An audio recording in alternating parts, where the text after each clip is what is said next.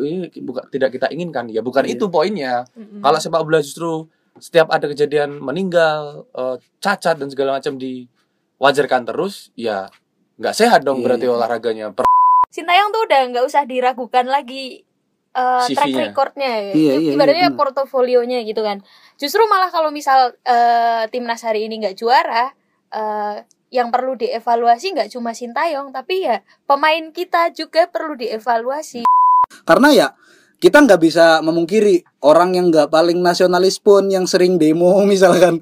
Ya. yang wah apa negara asu gini-gini. Pasti mas main loncat kalau ngegolin. Iya. iya. Loncat pasti ngegolin. Wah seneng gitu. Pengen ngerti lah Indonesia ki wis tak kalah kene final peng piro? Peng telu misalnya dia bilang kayak gitu enak dia ngomong gitu. Iya, iya. Gue mas cerita. Nah Indonesia ki pol-polannya paling ini. Pokoknya gue pede baik kan? Iya. pemain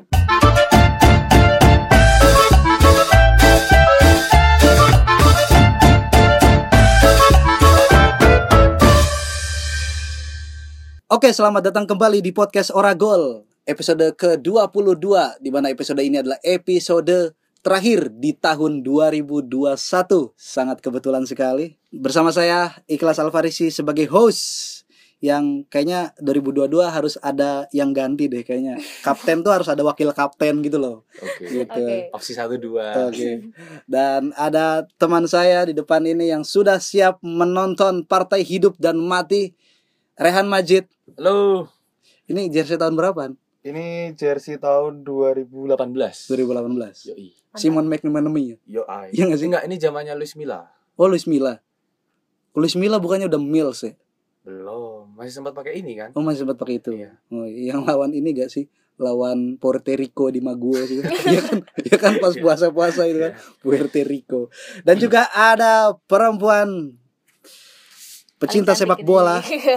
Hah? paling cantik di sini Iya, paling cantik lah. Jelas. jelas Hmm, nggak tahu kalau menurut Bung Ahai kan. Soalnya yang menurut Bung Ahai paling cantik adalah kalau nggak Rahmat Irianto Asnawi gitu kan. Ada Miss Afi, selamat sore. halo Ini kita rekaman sore-sore ya karena eh, sedikit biasanya kita rekaman malam gitu. Jadi jadi ada yang akhir perlu dirayakan aktivitas malam ini ada yang perlu dirayakan betul sekali. Eh, mungkin yang dirayakan adalah episode terakhir ini gitu. Oh, ya. Bukan iya episode terakhir di akhir tahun gitu. Ya mudah-mudahan bisa lanjut lagi di 2022 dengan semangat dan konsep yang baru gitu karena ini juga menjadi apa namanya momen-momen ini juga menjadi momen evaluasi besar-besaran bagi banyak pihak gitu loh terutama orang-orang yang berkecimpung di dunia sepak bola gitu kan nggak tahu juga nih pihak federasi sepak bola Indonesia akan mengevaluasi Sintayong nggak gitu. Kalau misalkan dia gagal membawa timnas Indonesia timnas muda ya kan eh, untuk lolos ke final gitu kan. Direkam di tanggal 25 dan akan tayang tentu saja di tanggal 26 karena tidak mungkin langsung tayang. jujur aja gitu, jujur aja ya kan. Enggak serajin itu Iya, ya. ya nggak serajin itu dan nggak se se, se Ambisius. itu. selengkap itu privilege kita gitu kan. Jadi nggak bisa langsung rekam gitu ya gimana gitu. Gitu. Masih sulit gitu untuk nanjak menjadi apa dari level belum mediocre belum kita nih Proses, proses. di tapi apa namanya di momen-momen kayak gini tuh kalau kayak sebelum apa namanya datang ke sini habis perayaan. Anda habis kerja. Dan teman kita yang satu nih lagi, Lagi kerja kerja. lagi kerja juga kan. Maksudnya ngomong-ngomong soal ini kan libur kan libur mah buat semuanya kan. Mm. libur buat semuanya tapi merayakan kan ya masing-masing gitu kan. Orang-orang yang merayakan yang merayakan gitu. Tapi eh, kalian ikutan banyak yang ikutan merayakan nggak? Aku. Mm, aku ikut merayakan ikut karena merayakan ya? ya keluargaku banyak kebetulan banyak yang ini Kristen kan. Uh, Ah. aku nggak nyebut non is ya kalau sebutan non is tuh kayak Islam tuh kayak jadi ini banget gitu Iya, emang langsung paling jadi bener kan Kristen. ya. Kebetulan saudaraku ad- ada yang Kristen dan Katolik. Ah, terus tadi sempat perayaan. Uh, rutin sih emang rutin Hmm. acara. Jadi habis misa karena misalnya kan uh, pagi mm, mm, pagi menjelang siang. Mm, mm, mm. habis misa terus kita ya pesta. Kayak lebaran sih kayak sebenarnya lebaran ya. Kayak lebaran habis sholat id terus kita makan makan makan makan gitu ya. Ada makan ketupat nggak? itu udah. Ada. Oh iya. ada Oh. ya itu Ada, jadi- itu tuh perayaan-perayaan kayak gitu. Nggak tahu ya kalau umat sebelah maksudnya ini kan relate banget gitu. Iya kan relate banget gitu kan. Iya, iya. saya kan homogen gitu kan tidak tahu gitu kan. Banyak teman-teman gitu kan. Ya kita berteman dengan baik tapi jarang banget terlibat bahkan diajak gitu. Hmm. karena memang bukan bukan karena saya nggak mau emang nggak seakrab itu gitu. Kalau ini kan bukan hanya akrab tapi bagian dari keluarga, gitu. ya. otomatis ikutan bergabung dong gitu. Itu perayaannya sama nggak sih? Kayak sampai gue tuh kayak mikir sampai kayak ada sih nggak nggak sih pertanyaan-pertanyaan eh udah gede gitu. Iya, ada. dulu kan Jadi- mbah yang gendong gitu gitu kayak. Ada. Ya selalu ada. Jadi perayaan-perayaan yang seperti itu sebenarnya nggak ini nggak hanya di momentum apa ya kayak pas lebaran aja jadi Ah, ah. setiap kumpul keluarga ah. entah acara apa pun itu sebenarnya ada ini kayak tadi ya kamu kan bertanya-tanya ya nih orang Kristen ditanyain kayak gini juga nggak sih pas ah, misal kayak lebarannya mereka gitu ah. ya ditanyain juga aku juga juga. ditanyain ada juga ya udah eh, udah lulus belum kalau misalnya yang udah kerja kerja di mana Hmm. Gimana udah ada calon belum kan udah kerja nih ya gitu ya, Hmm. biasa itu Hmm. itu sebenarnya kayak template ya. ya dan template tapi nggak Setiap- ditawarin calon kan tiap hmm, enggak Yang nawarin Kali ini kerjaan nggak, aja. nawarin kerjaan ya kayak lebih urgent Itu kan lebih kerjaan ya. gitu. lebih lebih penting itu Mm, kalau kalau aku sih lebih apa lebih lebih milih diem gitu loh apa un- untuk apa namanya untuk mm, bi- membiarkan orang-orang tuh ini ini lagi apa aku lagi pengen ngomongin isu tahunan ya yang dari 1945 sampai sekarang tuh gitu-gitu terus tuh. ya Maksudnya ini banyak masih ada gitu loh, masih ada di time timeline yang merasa harus merasa punya tugas untuk selalu speak up gitu loh ngomongin apa momen ini gitu loh kayak ya gue mah intoler apa gue mah toleransi gitu maksudnya setiap hari selalu beragam kehidupan ini berteman dengan baik tapi untuk mengucapkan selamat Natal gitu saya emang enggak gitu maksudnya dengan lu ngomong gitu tuh udah semua orang kayak udah tahu gitu lo nggak nggak setoleran itu gitu kayak kayak gitu gitu So asik tadi. ya. Soalnya- lagian lagian buat apa kan kita nggak minta opini kamu Iya, gitu iya, iya. Kalau kalau gue gimana? Hari hari libur gitu home alone biasanya. Ya, hari libur eh, sebetulnya ada banyak perbedaannya daripada Iya. tahun-tahun sebelumnya karena hidup juga berjalan. Oke. Kita juga berproses dulu ya waktu zaman-zaman masih sekolah, masih kuliah, ya baik di rumah, kalau nggak nongkrong. Ya, tapi kebanyakan di rumah. Tapi kalau sekarang sebetulnya tadi kayak di off air ngomong sama si Avi, ya liburan kerasanya lebih buat ini sih istirahat jatuhnya. Hmm. kayak semisalnya setelah seminggu bekerja gitu eh diajak ke mana-mana gitu rasanya udah nggak mood. Bukannya Iya. nggak mau ya bukannya nggak mau tapi mungkin ya capek baru masih kepikiran ada laporan akhir tahun di akhir tahun dan segala macam itu yang ganggu. Tapi kalau aku liburan sebetulnya lebih aku manfaatin buat istirahat sih kalau aku ya kayak gitu Aku paham sih soalnya kerjaan gue kan kerjaan lapangan ya. Mm-mm. Ngapain liburan ke lapangan lagi gitu. Iya, Capek. Iya. Iya.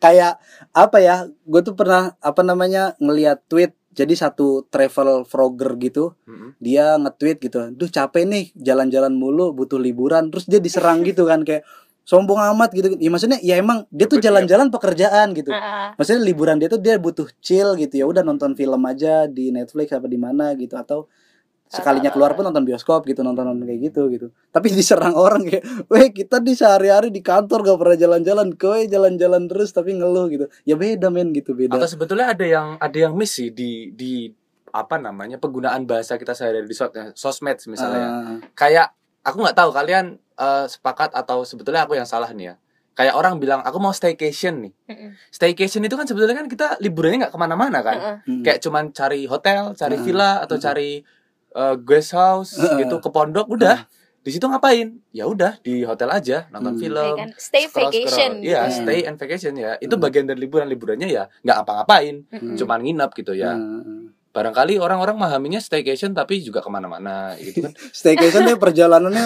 12 jam gitu nggak ya ya ya ya ya Iya, makanya aku sepakat sih ada orang-orang yang memang ternyata liburannya itu udah nggak butuh ke mana-mana, dia pingin eh, di rumah, pingin chill, pingin sama keluarganya paling ngobrol nonton film. iya iya iya Ya ada juga orang yang liburan dihabiskan dengan waktu berpikir pengen ke sini tapi fisiknya nggak mampu ke sini.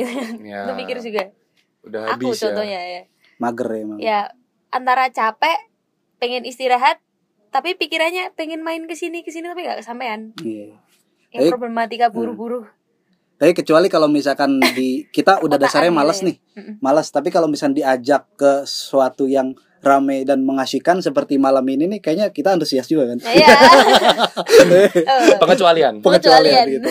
Oke, ya pokoknya selamat liburan lah ya buat buat yang dengerin gitu. Merry Christmas juga buat Yang- para pendengar kita yang Kristen. merayakan yang Kristen Katolik juga. Katolik nyebut- juga Aku nyebutnya Kristen nih. Eh, Happy New Year juga buat kita semua meskipun belum, Belum New Year ya tapi yang benar. OTW Iya OTW lah.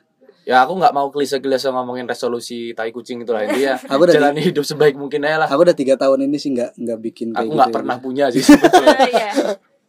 gitu ya. Jalanin hidup sebaik mungkin Heeh aja. lah, iyalah. Maksudnya ya ngomongin soal tadi apa namanya apa beda beda metode beda beda apa beda preferensi itu udah jadi hal yang biasa gitu kayak apa terutama ke ngomongin cara hidup juga gitu lu lu sekarang mah di di apa di di zaman kayak gini udah zaman di mana lu tuh hidup ya udah jadi diri, diri lu sendiri semakin lu fokus sama apa yang lu seneng ya semakin inilah semakin semakin bagus, semakin keren kayaknya lu bakal jadi keren ketika lu fokus sama sesuatu yang lu seneng gitu aja ya. Yoi. Yoi. Udah gitu aja ya basa-basinya karena ya udah udah apa namanya udah mau liburan juga gitu.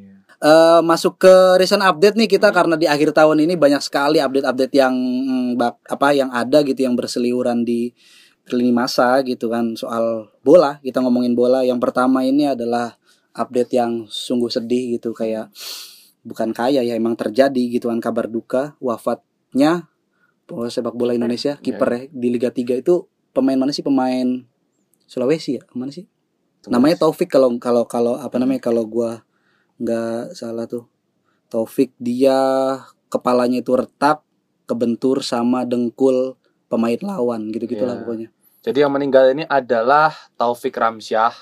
Dia adalah eh, kipernya Wahana F eh, bukan Wahana FC. Ini nanti dikat-kat ya. Hmm. Yang meninggal ini adalah Taufik Ramsyah. Dia adalah seorang kiper yang kemarin meninggal waktu pertandingan Liga 3 di Provinsi Riau saat melawan Wahana FC. Kayak gitu. oke, oke.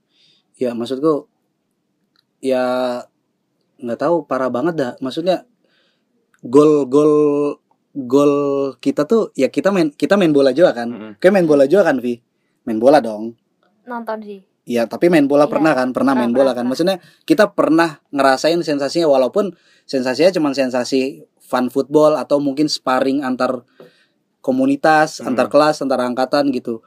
Pasti punya selalu punya sensasi ambisi untuk menang. Siapa sih orang yang kalau bertanding itu nggak mau menang? Tapi apa ya? Even namanya fun nih. Mm, mm, mm, mm, gitu-gitu. Walaupun fun kita juga tetap punya ambisi buat menang, Menang. gitu. Tapi seambisi ambisinya kita, seambisiusnya kita, kita tetap kayak nggak tahu. Gue sih pernah ada di fase gitu ketika lagi posisi gitu ketika lagi main tuh selos kontrolnya gue adalah nekel orang, Oh nekel. Oke. Nekel orang. Jadi kayak nekel orang. Untung untung orangnya ya pemainnya tuh cepet gitu loh. Jadi tackle gua bikin dia jatuh tapi nggak nggak itu apa namanya udah nggak apa nggak bikin dia parah gitu cederanya. Tapi itu abis kejadian itu gue langsung mikir anjing gua kok apa namanya Ya, ngelakuin gitu. hal gitu gitu. Apa sih yang dicari? Over gitu. gitu ya. Iya over se over itu kayak gitu sih.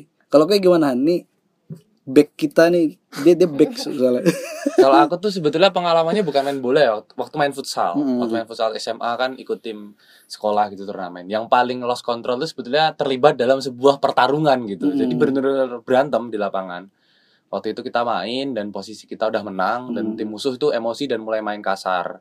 Oke. Terus kayak temanku di satu posisi tiba-tiba dia di dikasarin. Aku eh, lupa secara spesifik gimana, tapi yang jelas tiba-tiba kayak situasinya chaos aja gitu. Chaos dan aja ya. ya akhirnya terlibat gitu dan Hmm. setelah itu terus kayak ngerasa uh gila aku membahayakan timku karena gini Riz aturannya waktu itu kalau ada yang chaos satu tim itu bisa didiskualifikasi Oh di DO. Mm-mm. dan teman-temanku udah udah ada yang kayak berusaha wes wes wes gitu tapi ya gimana sih ngelihat Ya udah Ya, udah eh, namanya over kan Ya, ini kayak udah gitu. terlanjur kayak Hmm. chaos ya. mm-mm. Terlanjur sama chaos. mungkin ini sih Riz kalau aku sih ter- terlepas dari eh, over lepas kayak gitu di lapangan sebetulnya sebelum ke Avi ya Hmm. aku menyoroti sebetulnya eh, di Liga Indonesia ini kan udah banyak banget yang meninggal cuy ya gara-gara Udah insiden di banyak, lapangan Banyak cuy. Maksudnya tadi aku lihat ada sekitar lima pemain termasuk Hairul Huda, Iya, rest in peace. mm-mm, eh, legendnya Persela Lamongan. Aku menyoroti adalah terutama Liga 3 ya. di sepak bola kita terutama di liga-liga bawah barangkali penanganan medisnya kurang banget dan pemahaman pemain soal bertanding barangkali nggak Juga hanya tentang bermain aja sekarang tapi perlu awareness soal ketika ada situasi-situasi yang tidak diinginkan gitu. Hmm. Aku ngelihat di beberapa liga di Eropa jauh banget Jo- Liga iya, tiga Jo- ke Eropa ya. iya. Enggak, tapi maksudnya aku menyoroti di sana ada tubrukan, Mm-mm. ada beberapa pemain yang langsung menghampiri orang yang eh, tergeletak gitu dan Ah. langsung react Ah, entah iya. memutar tangannya Nah, untuk apa namanya inisiasi ganti nah. atau melambaikan tangan ada untuk gestur ada gestur Ada untuk intinya. bahwa ini urgent gitu. Bahkan Hmm, aku lupa di liga mana ketika ada tubrukan ada yang inisiatif udah bisa narik lidah. Tahu kan bahasa yang lidah ketelan ya, itu. Iya, lidah Dia udah udah mampu narik lidah. Aku nggak tahu ya itu Tekniknya secara gimana? harfiah. Tapi yang yang jelas dia menyelamatkan orang itu sehingga bisa bernafas lagi. Hmm. Sedangkan di liga kita terkhusus liga 3 ya Hmm. Banyak ya, banget ya, kekerasan awam. baik yang berujung meninggal ataupun berujung cedera tapi kayak ya udah gitu. Iya, udah. Terus Ini kayak- bagian, bagian dari permainan iya, gitu, kayak. bu- iya, bukan tidak kita inginkan ya bukan Iya. itu poinnya. Mm-mm. Kalau sepak bola justru setiap ada kejadian meninggal, eh, cacat dan segala macam diwajarkan terus, ya nggak sehat dong Iya, berarti iya. olahraganya. Perlu Iya, perangkat yang bertanggung jawab juga. Aku mikirnya gitu sih kasihan cuy.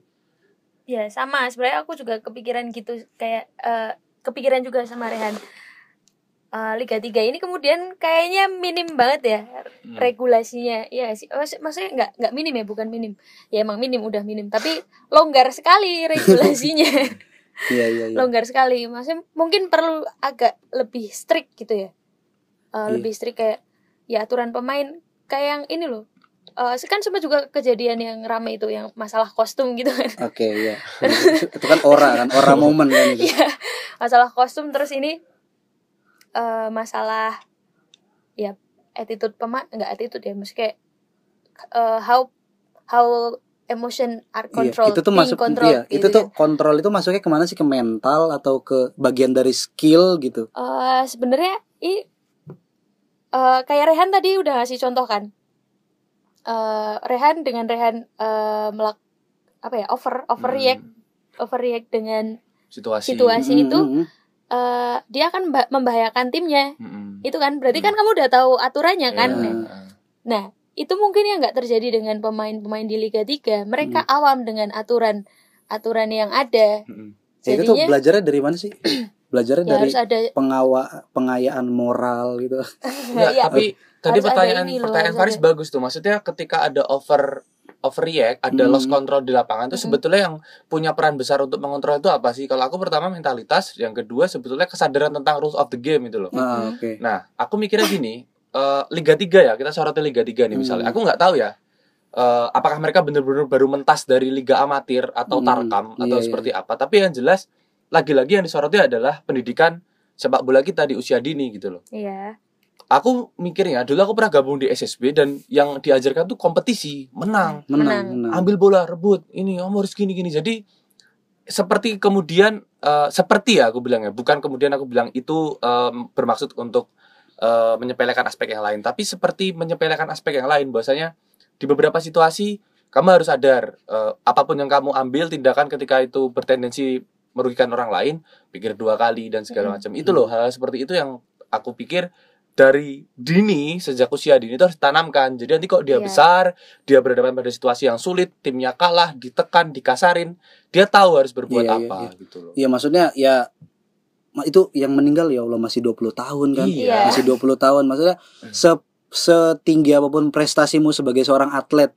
ya dalam hal ini sepak bola itu nggak ada apa-apanya kalau dibandingkan dengan satu nyawa gitu. Iya. Mm. Ya yang nggak ada apa-apanya. Jadi ya kayak ya mengejar prestasi itu tujuan gitu loh, tapi ada rel yang nggak bisa koe terabas asal terabas kayak wah ya apa duel sepak bola kan olahraga yang sangat fisik ya, Hmm, tapi iya, iya, iya. Ya kesadaran tadi tuh kesadaran kesadaran untuk ya mengontrol Ya. wah anjir tapi Gokil sih terakhir sih Hmm. Kalau dari aku ya terakhir di segmen eh pembahasan ini mungkin aku sebetulnya nggak menitik beratkan semuanya di pemain pemain Hmm. punya porsi tanggung iya jawabnya iya iya tapi panpel juga punya iyalah Iya, tim iya. medis Ah. juga punya kayak gitu loh. Jadi dalam olahraga sepak bola yang sudah seindustrial ini Hmm. dan sudah terstruktur seperti iya ini, iya iya ya semua elemen yang ada dalam satu pertandingan selama bertanggung 90 jawab menit Heeh. itu bertanggung jawab untuk semua hal. Oke, pemain udah tahu nih eh, harus kontrol Iya, diri. iya. Ah, udah Tapi tahu tim rule of the medis games, ya, gitu. medis juga harus siap. Iya. ambulan tuh harus ada bensinnya Iya, iya, iya. ya udah harus Betul. me- mengarah ke pintu Ada supirnya keluar. juga. ada supirnya tahu bukan mah ini tim medis ditinggal rokokan kayak iya orang tahu jalur kami. terdekat dari stadion A ke rumah sakit terdekat ke mana dan segala Ah. Iya, Per- iya. perangkat pertandingan harus aware Hmm. ketika terjadi situasi seperti ini apa yang dilakukan betul. Ya kalau gitu, kata. Dex Glenisha kan harusnya ada tiga layer gitu. Jadi tim medis ada tiga layer. Pertama itu dari tim medis dari klub itu, Mm-mm. kedua dari panpel, ketiga dari stadion. Jadi stadion itu salah satu fasilitasnya adalah tim medis. oh iya benar Nah, kayak gitu. Jadi tiga tiga layer itu, tiga layer itu yang harus disiapkan. Tapi ya mudah-mudahan ya berita sedih ini nggak keulang lagi. Kita jangan sampai dengar lagi berita sedih Ya. ini. Lanjut ke berita yang sangat memacu adrenalin.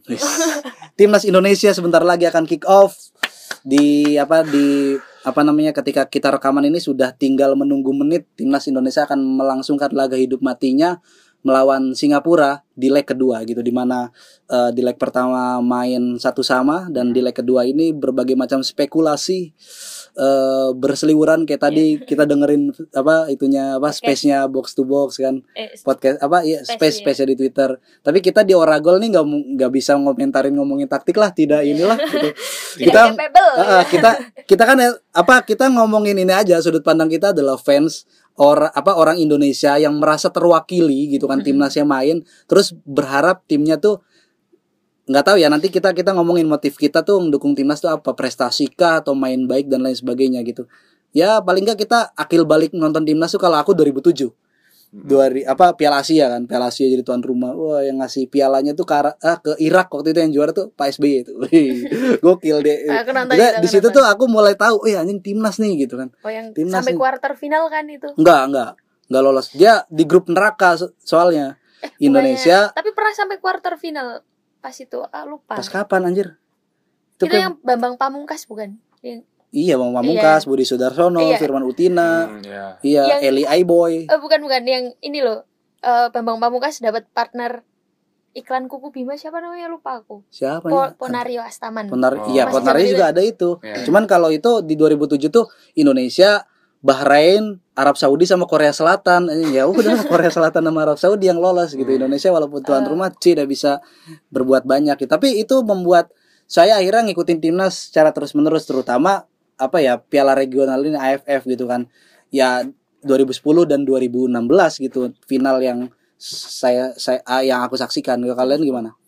Kalau aku itu sebetulnya malah pertama kali aware lihat timnas itu bukan pada kompetisi resmi, tapi waktu kunjungan Uruguay. Oh, yang dibantai 7-1. Ya, itu kan sempat unggul duluan kan? Iya iya, gol Bos dulu. gol selamat datang. Ya, Selamat buas datang. dulu. Ya, itu itu aku teriak-teriak cuy. Maksudnya aku menyadari euforia aku pertama nonton timnas itu justru bukan pada kompetisi resmi, Iya iya iya. tapi pada pertandingan eksibisi lawan Uruguay. Itu adalah momen di mana aku ngelihat timnas lawan Uruguay yang kayak aku kecil waktu itu masih kecil nonton ya aku sadar secara kapasitas dan secara teknik bermain barangkali Indonesia kalah dan pasti kalah gitu Jauh kan. lah itu kan juara 4 Piala Dunia, coy. Iya. Iya coy. Iya. Tapi maksudnya pas begitu berarti 2010 kan Iya, Iya dari 2010. 2010. Tapi begitu buas nyekor, buas kalau nggak salah itu iya, ya. jelas. Begitu buas nyekor tuh kayak langsung ekspektasi naik tuh. Ih, gila, kok bisa? bagus Gitu. ya Iya, gitu. Bagus. Kok bisa unggul lebih dulu Iya. dari peringkat 4 dunia Iya, nih gitu. Perkara kemudian hasil akhirnya 7-1 ya itu Suarez Suarez hat trick ya. ya, itu Cavani ya, juga. itu urusan lain. Tapi yang jelas eh, golnya Boas itu eh, apa namanya? sangat memorable buat aku. Makanya sampai detik ini pemain favoritku di timnas Indonesia itu Boas Salosa. Buah Salosa.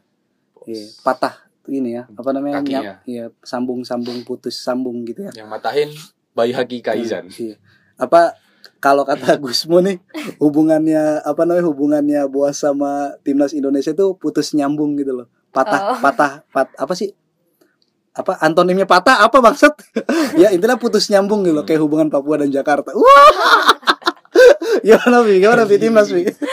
Eh, ya kalau aku eh, sebenarnya ini ya kalau nonton timnas ya selalu nonton gitu kan diajak bapakku nonton kan Ah. si aku nonton tapi mulai aware ya pas ini eh, kalau ini kan eh, lag- laga lawan Uruguay kalau aku laga lawan Arsenal Waduh. kan dulu kan Iya, iya. Arsenal Iya, iya. Asian Arsenal, Tour. Liverpool, Chelsea ya, uh, pada Ah. datang semua cuy. Pas giliran MU mau datang ada teror. Bom. iya Ah, ini Budi, Budi bermain bola, tau nggak? Iklan iklan tri, mau gitu-gitu ada Rooney ya yang belajar ini. Ya terus terus itu, terus, terus. terus eh, maksudnya mulai mulai aware mulai aware sama pemain-pemainnya kalau dulu kan ya nonton nonton aja Hmm. nggak terlalu aware sama pemainnya terus semenjak ya 2017 kalau nggak salah bulan Juli Hmm. Arsenal ke Indo terus punya kesempatan buat nonton langsung jadi aware oh ternyata pemain eh, oh pemain timnas tuh ini ini ini itu kan lepas selepas final AFF juga kan Hmm. Siapa pemain pem- pemain timnas favoritmu? Pan Bukering kan. Elkan Bagot. apa apa Tony Kusel tuh kan Tony Kusel tuh. Eh, Ada cuk. Weh, gue nggak tahu kan Tony Kusel 2012. Hargianto Oh Hargianto. Heeh. Muhammad Gokil. Hargianto. Muhammad Hargianto. Iya. Pengangkut air gak itu? Pengangkut Iya. air tuh. Itu dia ininya trahnya Mas Haryono. Kalau gue siapa Riz pemain favorit timnas? Aku tuh ini apa Emri Duan. Emre Duan. Emri Duan. Nomor Maksudnya dua ya? iya, iya nomor dua gak sih? Eh 12 eh lupa deh. Ya eh, itulah. 12 Nasuha Pokoknya dia tuh winger, winger Iya. bisa dipasang jadi back sayap, bisa juga jadi Iya. winger gitu kan. Hmm. Dan ya memorable selain dia adalah pemain Persib yang membawa Persib juara 2014, dia juga apa namanya motor gitu loh ketika timnas tuh ya di 2010 tuh motor anjing wah Muhammad Ridwan tuh pemasok bola tuh ya dia dia ya kayak Adi MS lah eh Adi MS kayak iya, kayak apa Dirijen, dirijen. Erwin Erwin Gutawa gitu gitu maksudnya dia dia vital posisi dia tuh di apa namanya di timnas waktu itu jadi setiap nggak tahu ya penampilan penampilan pemain-pemain timnas yang lain yang bagus-bagus itu nggak membuat aku antusias melebihi ketika Emre Ridwan itu main gitu loh. Kalau Emre Ridwan main tuh aja Emre Ridwan nih mantap deh gitu. Terus mukanya tuh kalau kata ayahku kayak tukang nasi goreng aja. parah banget ya. Parah banget itu si Babe goblok dah. nah itu ibuku saat nonton timnas jadi Hmm. dia selalu membanding-bandingkan eh, muka-muka pemain timnas dengan misal kalau di tempatku karena karena mayoritas ini ya eh, bekerja di ladang gitu Hmm. Wah, ini mis Evan Dimas kalau nggak jadi pemain timnas paling kalau di sini jadi tukang rumput ya. Waduh, gitu-gitu ya. Kalau ibuku selalu banding-bandingkan gitu. Anjing parah banget Evan Dimas, Evan Dimas. Iya, seriusan seriusan. itu seru kali ya kalau kita nanya pemain bola terus kita pertanyaannya adalah Mas Kalau kalau jadi- kalau kalau di dunia ini nggak ada profesi pemain bola kau Kamu jadi, apa, ya? Menarik ya. Menarik ya pertanyaan Ibu kayak gitu. Eh, misal Hargianto kalau nggak jadi pemain timnas paling cocok jualan cilok ya. Ibuku gitu. Wah, wah itu melucui sih. Wah ibumu trying to be funny. Nyari-nyari deh, nyari-nyari melucu. Tapi pertanyaannya adalah di momentum malam ini gitu kan, ekspektasi kalian tuh apa sih? Kalau aku, aku tuh udah apa namanya nyiapin draft ide tulisan gitu loh, ide tulisan untuk apa namanya ya meminta bahwa bapak PSSI itu nggak memutus kon apa untuk untuk nggak memecat Hmm, Sintayong gitu loh karena ya Ya, Ya, proses gitu. Semua butuh titel proses. titel AFF tuh bukan bukan hal yang instan gitu loh. Ya kalau kita ngomongin level timnas hari ini ya gitu. Ya untuk dapat AFF aja susah apalagi mau Piala Asia, apalagi mau Piala Dunia. Ya udah kalau misalkan apa namanya level kita adalah or tim yang sulit sekali meraih titel apa namanya gelar regional ya udah diprosesin aja gitu, diprosesin sampai apa namanya tim kita itu mampu melampaui apa namanya tim tim-tim di kawasan Asia Tenggara gitu kayak Vietnam, kayak Thailand, mereka kan udah melampaui kan Hmm. gitu Iya. kan. Lagian eh, kenapa harus terburu-buru mecat Sintayong ya? Mm. Dengan tidak juaranya dia di AFF juga bukan berarti eh, skillnya buruk. Ya sih, Iya maksudnya iya kita benar-benar. Sintayong tuh udah nggak usah diragukan lagi eh, track recordnya ya. Iya, iya, ibaratnya iya, benar. portofolionya gitu kan justru malah kalau misal eh, timnas hari ini nggak juara eh, yang perlu dievaluasi nggak cuma Sintayong tapi ya pemain kita juga perlu dievaluasi Benar benar. sehingga benar. komposisi kita bagus nggak sih pada akhirnya gitu kan Mm, mm, mm. bukan Sintayongnya yang jelek kan Iya iya. Eh, Butuh 8 tahun untuk timnas Jerman tuh nyari apa dapat Piala Dunia kan. Iya. Dia kan kalau misalkan kita menjuluki timnas Indonesia adalah tim nyaris gitu. si hampir juara. Oke, si hampir juara. Jerman juga ada pernah ada di fase si hampir juara 2002. Dia kan istiqomah kan, maksudnya Ah, istiqomah, istiqomah. kan 2002 final, 2006 semifinal, 2010 semifinal, 2014 final eh semi final juara dong. Eh, Eh, 2014 juara. 2014 juara Argentina. maksudnya dari rentang 2002 sampai 2014 itu kan proses yang panjang Iya. pemain masuk Gila. pergi apa Silih namanya? berganti. Iya, silih Silih berganti, the times change, people come and go gitu-gitu kan. tapi tapi Philip Lam tetap di situ kan, Miroslav Klose tetap di situ gitu. Ada satu kunci ya ya Jerman loh, Jerman loh. Kita ngomongin Jerman gitu. Belum misalkan kita mau nyontoh Tapi dari Jerman dan Indonesia adalah perbandingan yang nggak apple to apple. Gak apple to apple ya maksudnya itu Jerman gitu loh kalau Hmm. misalnya mau jadi tauladan gitu kan Heeh. tapi kalau mau jadi contoh dekat ya negara tetangga aja Vietnam gitu loh kan pas kemarin sebelum lawan Vietnam kan banyak tuh pandit-pandit di pandit football di mana gitu kan membanding bandingin gitu komposisi timnas Vietnam sekarang sampai timnas timnas Indonesia gitu kan. Timnas Vietnam sekarang itu masih diisi tim timnas U19 yang zaman yang seangkatan sama Evan Dimas gitu loh masih banyak Tujuh ada orang, tujuh orang gitu. Sedangkan di timnas sekarang cuman ada tiga. tiga gitu kan. Dan Evan, dan, ya, dan praktis sama. cuman Evan Dimas gitu loh yang jadi andalan. Yang reguler Main. ya bahkan sekarang nggak jadi starting gitu kalah kan. sama si siapa? Rahmat Irianto sama kakak Ricky Kambuaya gitu kan. Gitu-gitu. Ya ya proses gitu. Nggak tahu ya kita en- entah kesadaran kita melampaui zaman atau ka- kadang kan maksudnya anak-anak uh, kayak kita kan harusnya kan masih kayak jadi bocil gitu. Oh nggak juara pecat pecat pecat gitu. Wasit goblok gitu gitu nggak tahu kalau kayak gimana? Oh, ya. Eh, aku sepakat tadi yang dibilang sama Avi bahwa saya membandingkan timnas Indonesia dengan Der Panzer itu sesuatu yang nggak apple to apple. Iya. Tapi tapi yang bisa kita tiru dan contoh dari eh, apa namanya Der Panzer timnas Jerman adalah konsep Gimana? Ya. konsep eh, atau rencana jangka panjang timnas. Hmm. Aku menyoroti di timnas kita kemarin yang sempat dihujat itu di Instagram atau di Twitter setelah mengalahkan Malaysia adalah Safi Sali. Oh iya Jadi Safi Sali itu dihujat karena beberapa hari sebelum eh, pertandingan Malaysia melawan Indonesia dia bikin statement Hmm. timnas Indonesia Asuhe Sintayong ini nggak akan berbuat banyak karena mereka masih dihuni pemain-pemain yang belum banyak pengalaman. stereotip umur ya Mm-mm. Tapi ah, terlepas dari hal itu terpatahkan dengan kemenangan 4-1, aku tetap apa menggarisbawahi bahwa saya yang dikatakan sama si Safi Sali itu ada benernya. iya iya Maksudnya setiap timnas itu atau setiap tim bahkan Hmm. itu perlu satu orang yang memang punya latar belakang Hmm. CV experience yang baik karena Hmm. dia ha- tidak hanya berpengaruh pada di lapangan tapi juga di ruang ganti. benar benar Misal di Psikis Ta- gitu ya. Hmm, misal di Thailand sekarang masih ada Terasil Dangda, iya iya ya kan? teraton but matan Wah, Orang-orang yang udah Cara yang, yang dia yang dia bisa cerita misalnya di ruang ganti, gue ngerti lah. "Ih, Indonesia ki wis tak kalah kene final peng piro peng telu misalnya dia bilang kayak gitu. Enak dia ngomong gitu. Iya, Iya, gue mas cerita nah Indonesia ki pol-polannya paling ini, pokoknya gue pede bae kan. Iya. Pemain, uh iki yang ngomong orang beneran, dia beneran, beneran kalahkan. beneran Bener. pelaku sejarah itu Pialanya ada Iya. di sekretariatnya PSSI-nya Thailand ada. Iya, iya, iya, ada iya. nama dia di situ. iya namanya dia. Nah, terus pemain-pemain Indonesia hari ini ya Evan Dimas juara tapi U19 ya. Iya. Keren sih, Iya. cuman di ranah apa senior juaranya nih si Duarjo tuh Nah, kan tapi di ranah senior kan tetap perlu Nah. seorang yang paling gak yang bisa cerita di dalam Hmm. squad ini Ah. cuman Fahrudin Arianto soalnya dia masuk di squadnya Alfred Oh, Riedel kan iya, 2016 iya, kan Fahrudin ada Fahrudin ya nggak ada lagi selain siapa Mm-mm. Iqbal Nevo walaupun tua juga anak Iya. kemarin sore jadi Iya. jadi WNI-nya gitu kan Makanya eh, hal itu penting. Bahkan yang terbaru misalnya di Barcelona bahkan Dani Alves dibeli lagi kan Mm-mm. untuk tujuan-tujuan yang sebetulnya bukan taktikal tapi Ah. lebih ke backroom staff. iya iya ya iya. kayak menguatkan kayak gitu. Tapi ya semoga aku sepakat sama Faris sih apa yang didoakan Faris semoga Sintayong tidak dipecat itu Enggak, oleh Enggak, bu- bapak-bapak bukan kita. bukan hanya doa saya mau bikin surat terbuka Nggak, bercanda Kemarin Nggak, pengen surat coba terbukanya ke Gianni Infantino sekarang ke PSSI. Mantap. Keren, orang. Iya.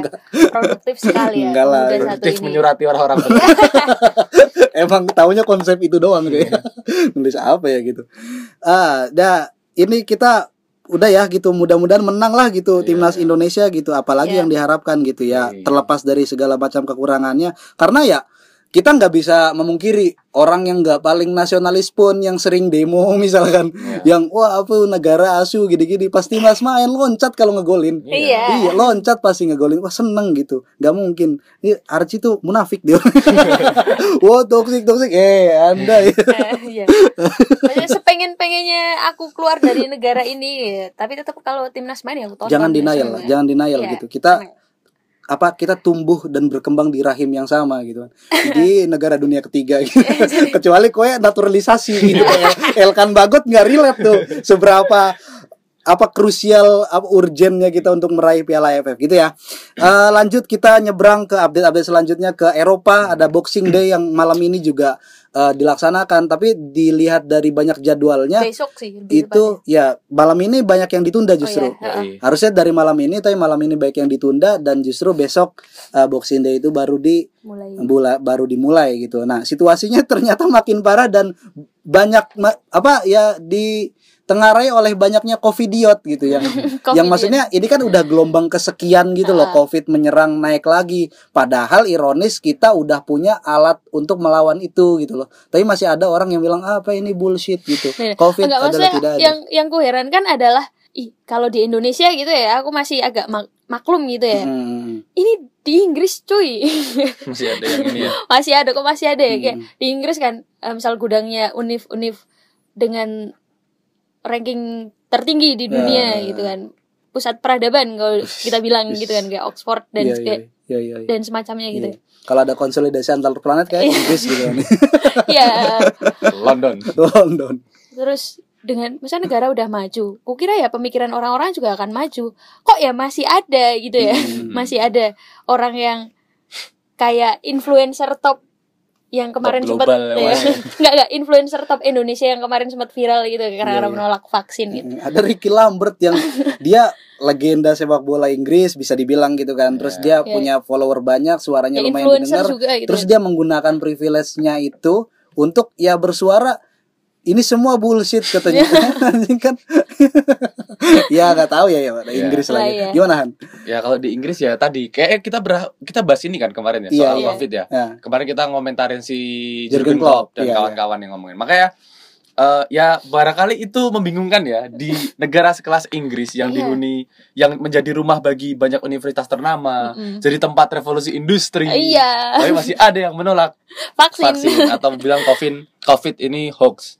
Ya terlepas dari konspirasi di baliknya ya, Hmm. untuk saat ini saya rasa nggak ada pilihan lain selain kita eh, sama-sama tadi yang dibilang eh, Faris di podcast kemarin benar. Vaksin ini nggak lagi tentang masalah individual, tapi ini soal solidaritas. Iya, iya. Barangkali ego kita untuk bilang ini fake dan segala macam eh, itu nantilah Iya, iya. kayaknya bakal ada ruangnya. Tapi untuk Hmm. saat ini barangkali Jangan jadi si paling dulu gitu, Mm-mm. si paling si paling kita survive dulu aja gitu. Kita hidup dulu bareng-bareng. Iya, iya, kita iya. lewati fase ini. Eh. ya sekarang bolehlah kritik tapi mungkin dengan bukan cara yang persuasif ngajak orang jangan vaksin Eh, Iya. bilang hoax tapi lebih ke kajian akademis Mm. atau coba bikin satu gerakan yang lebih hoax solutif atau Mm. apa gitu ya sih itu itu mudah-mudahan terjadi di Indonesia yang lain bodo amat lah gitu kalau maksudnya yang im- apa impact yang terjadi ke kita sebagai fans misalnya Liga Inggris gitu apa banyak yang mengeluh juga soal eh, akhirnya acak kadut nih apa namanya carut marut nih kayak soal fantasi Premier League gitu kan Hmm. yang Hmm. harusnya eh, tim ini sama ini main terus aku udah masang 11 pemain ini ini ternyata ada pemain yang covid ada pemain yang ini ternyata dipospon gitu-gitu jadi wah sulit nih gitu akhirnya wah gitu industrinya juga susah gitu Iya. untuk diiniin gitu Maksudnya Liga Inggris kan liga paling maju nih Mm. katanya katanya gitu ya. Di, mendakwa dirinya sebagai liga paling maju kan. Hmm, Tapi ternyata rate vaksinnya juga paling rendah se Eropa baru 67%. iya iya maksudnya mereka nggak apa namanya nggak balik ke teori dasar industri Iya. gimana sih? maksudnya Iya, untuk maksudnya- berjalannya sebuah industri itu SDM itu harus sehat gitu. Ah, ya nggak bener gak sih gitu ya benar benar benar. gitu ya Kayak kan sempat kalau di Bundesliga kan ini kan ya sempat ada penolakan vaksin juga. Ah. tapi karena kalau pemain nggak vaksin nggak dapat gaji gitu Oh, kan. iya. bisa langsung digituin kan. Nah, wah di mana mana tuh duit ini mengambil peran penting mungkin Inggris harus eh, belajar dari ini Bundesliga gitu kan. Iya ya ternyata ya apa namanya kita nggak bisa terus terusan terus terusan idealisme bisa memandang dibeli dengan uang. Iya nggak. Maksudnya memandang eh, Eropa itu eh ya Tuhannya peradaban gitu. Iya. nggak juga gitu. Mbak banyak orang bodoh juga di sana yang yang yang yang ya yang yang nggak jauh beda gitu dengan dengan pemikiran bangsa-bangsa yang katanya terbelakang dunia ketiga. Ternyata banyak juga yang lebih maju. Setara lah semua.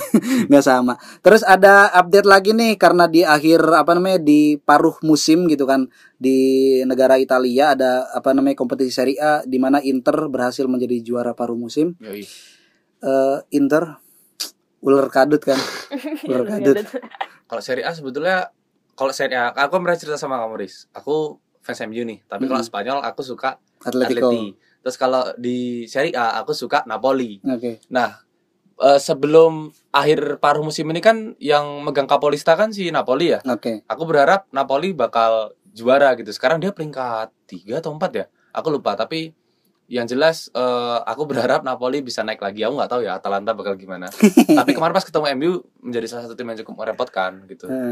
Menangnya Inter Milan itu cuma satu. Mereka eh, konsisten Nah, ya iya. kan buktinya di- mereka di puncak maksudnya pola permainan mereka sangat adaptif ya dan pemain-pemain yang dibeli di bursa transfer musim lalu itu sangat berkontribusi buat tim kayak Ha- Hakan Kalhanoglu Mm-mm. itu kan rutin cetak gol dan assist kan Iya, terlibat iya, iya. dalam gol jadi eh, aku harap ya secara pribadi ya Napoli bisa lah naik lagi lah Terus ada Iya, update lagi di Jerman nih. Vi?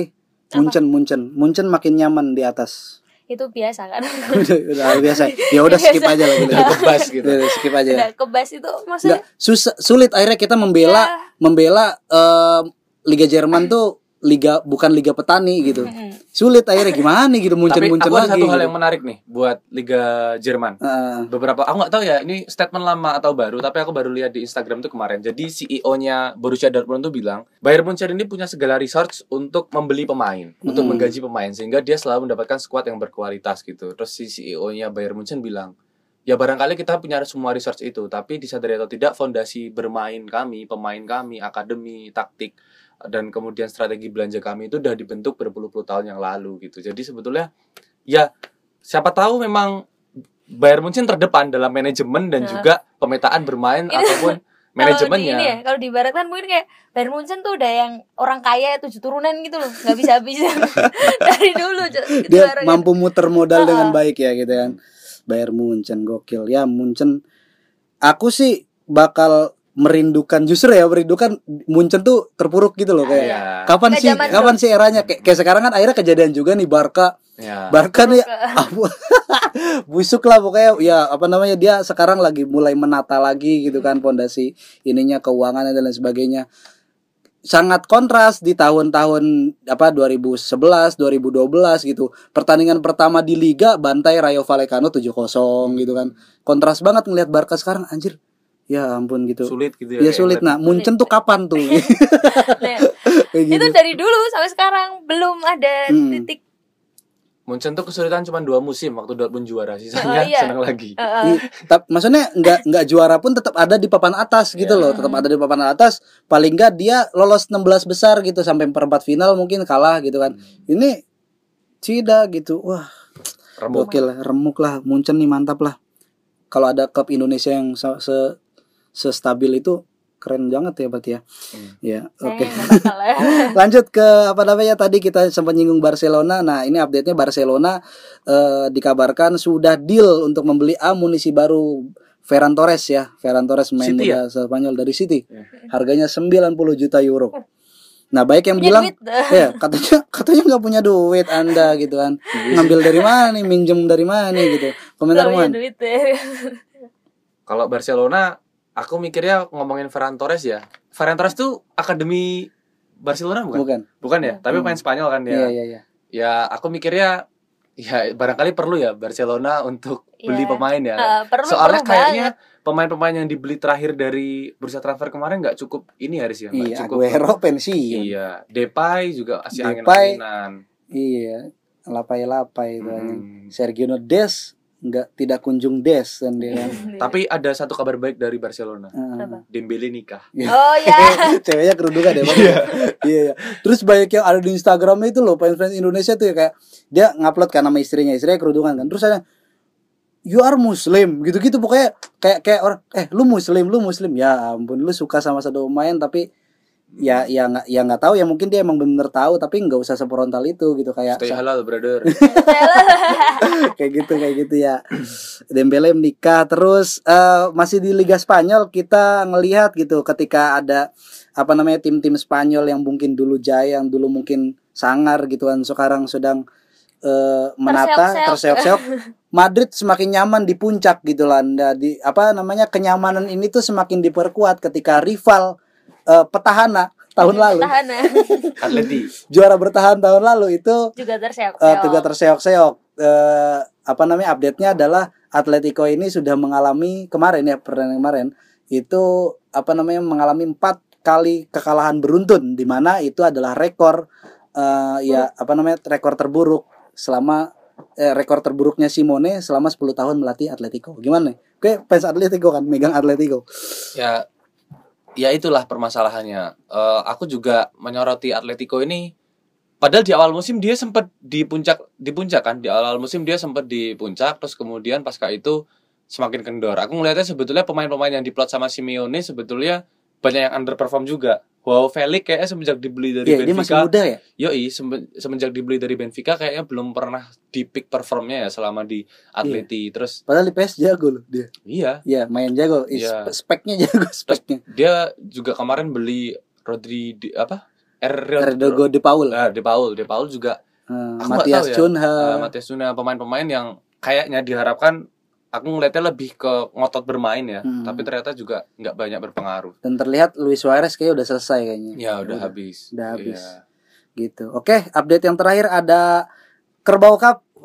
Arsenal masuk ke Semifinal. Semifinal. Semifinal. Kerbau Cup dan Lawan sudah Liverpool. dipastikan melawan Liverpool. Juga ada Tottenham versus Chelsea. Vi.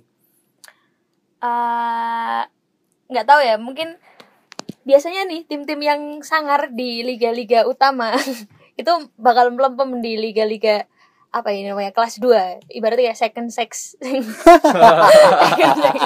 iya kan eh the other gitu liga-liga the Ah. other gitu bakal melempem karena eh, biasanya yang juara-juara liga liga-liga yang eh, sekunder gitu Mm-mm. Sekunder. itu tim-tim yang eh emang nggak punya tempat di liga-liga utama. Iya iya iya. Aku juga feelingku nggak terlalu buruk sih buat ketemu Liverpool kali ini. Maksudnya, Pede ya. iya, karena wah Liverpool pasti bakal akan Liverpool akan semakin fokus ngejar ini kan Ngejar kita City, laga nah, ngejar Ah. City dan laga dan enggak Liga mungkin Champion juga ya. ya yaelah cuma karbo doang masa Hmm, harus melakukan effort yang lebih Hmm. gitu ya. Udah nggak apa-apa kita kan sekarang aja gitu kan. Liverpool bukan zamannya Kenny Dalglish ya. iya. Udah yang buat wingernya Stewart aja. Downing. Siapa Tapi lagi feeling gue eh feeling gue ya kalaupun kalah juga nggak akan sememalukan kekalahan yang kemarin gitu lah. Oke oke iya iya. Eh iya. tunggu deh, empat besar kerbau ini siapa aja sih? Liverpool lawan Arsenal, Tottenham lawan Chelsea. Tim Iya. teras Liga Inggris. Ya. Tottenham sama Arsenal final kayaknya Iya. seru. Oh seru sih itu, Mantap. pecah sih, pecah. Kerbau Cup kan ini. Maksudnya Kerbau tim-tim yang yang sudah tidak ada harapan oh, Tottenham baru, baru WO dari Iya. Conference League gitu kan. Mm-mm. Apalagi yang dikejar gitu kan. Karbo aja gitu. Iya. Masa mau jadi tim charity bagi-bagi poin gitu. Fun fact-nya tuh trofi terta- terakhir Tottenham tuh Audi Cup. Audi Cup. Audi Cup ya. Ya maksudnya ya Tottenham juga dia kan punya, pasti punya fans yang militan kan, yang dia dong. selalu Iya, punya ya jelas. selalu punya ekspektasi kapan nih Tottenham juara gitu kan. Kota ini rindu juara. Padahal di London kan. Terus ada yang ngebales, udah juara coba coba beda warna aja. Aja ke London nih. Eh tapi ngomong-ngomong soal London di Liga 2 kan Persis sama PSIM lolos ke semifinal, Semifinal. kan. Kalau mereka dua kan ada tiket dari empat tim itu cuma satu yang nggak berhasil lolos, Iya. tiga-tiganya bakal lolos. Iya. Kalau Persis sama PSIM nanti lolos dan PSIS nggak terdegradasi gitu kan. PSS nih, PSS nggak terdegradasi, rame coy. Rame, Sepak rame. bola Jogja ini wah rame. DIY Jateng itu berarti semua timnya Masuk. yang eh, yang maksudnya tim-tim besarnya masuk semua kecuali Bantul. Bantul ya. Iya. Ya Bantul kayak Barcelona lah. menata kan. Kan bangkrut, bangkrut. Lagi menata gitu kan. Udahlah kayak ya episode terakhir di 2021 ini Mau party dulu. Iya, mau- Ya, malam Natal coy.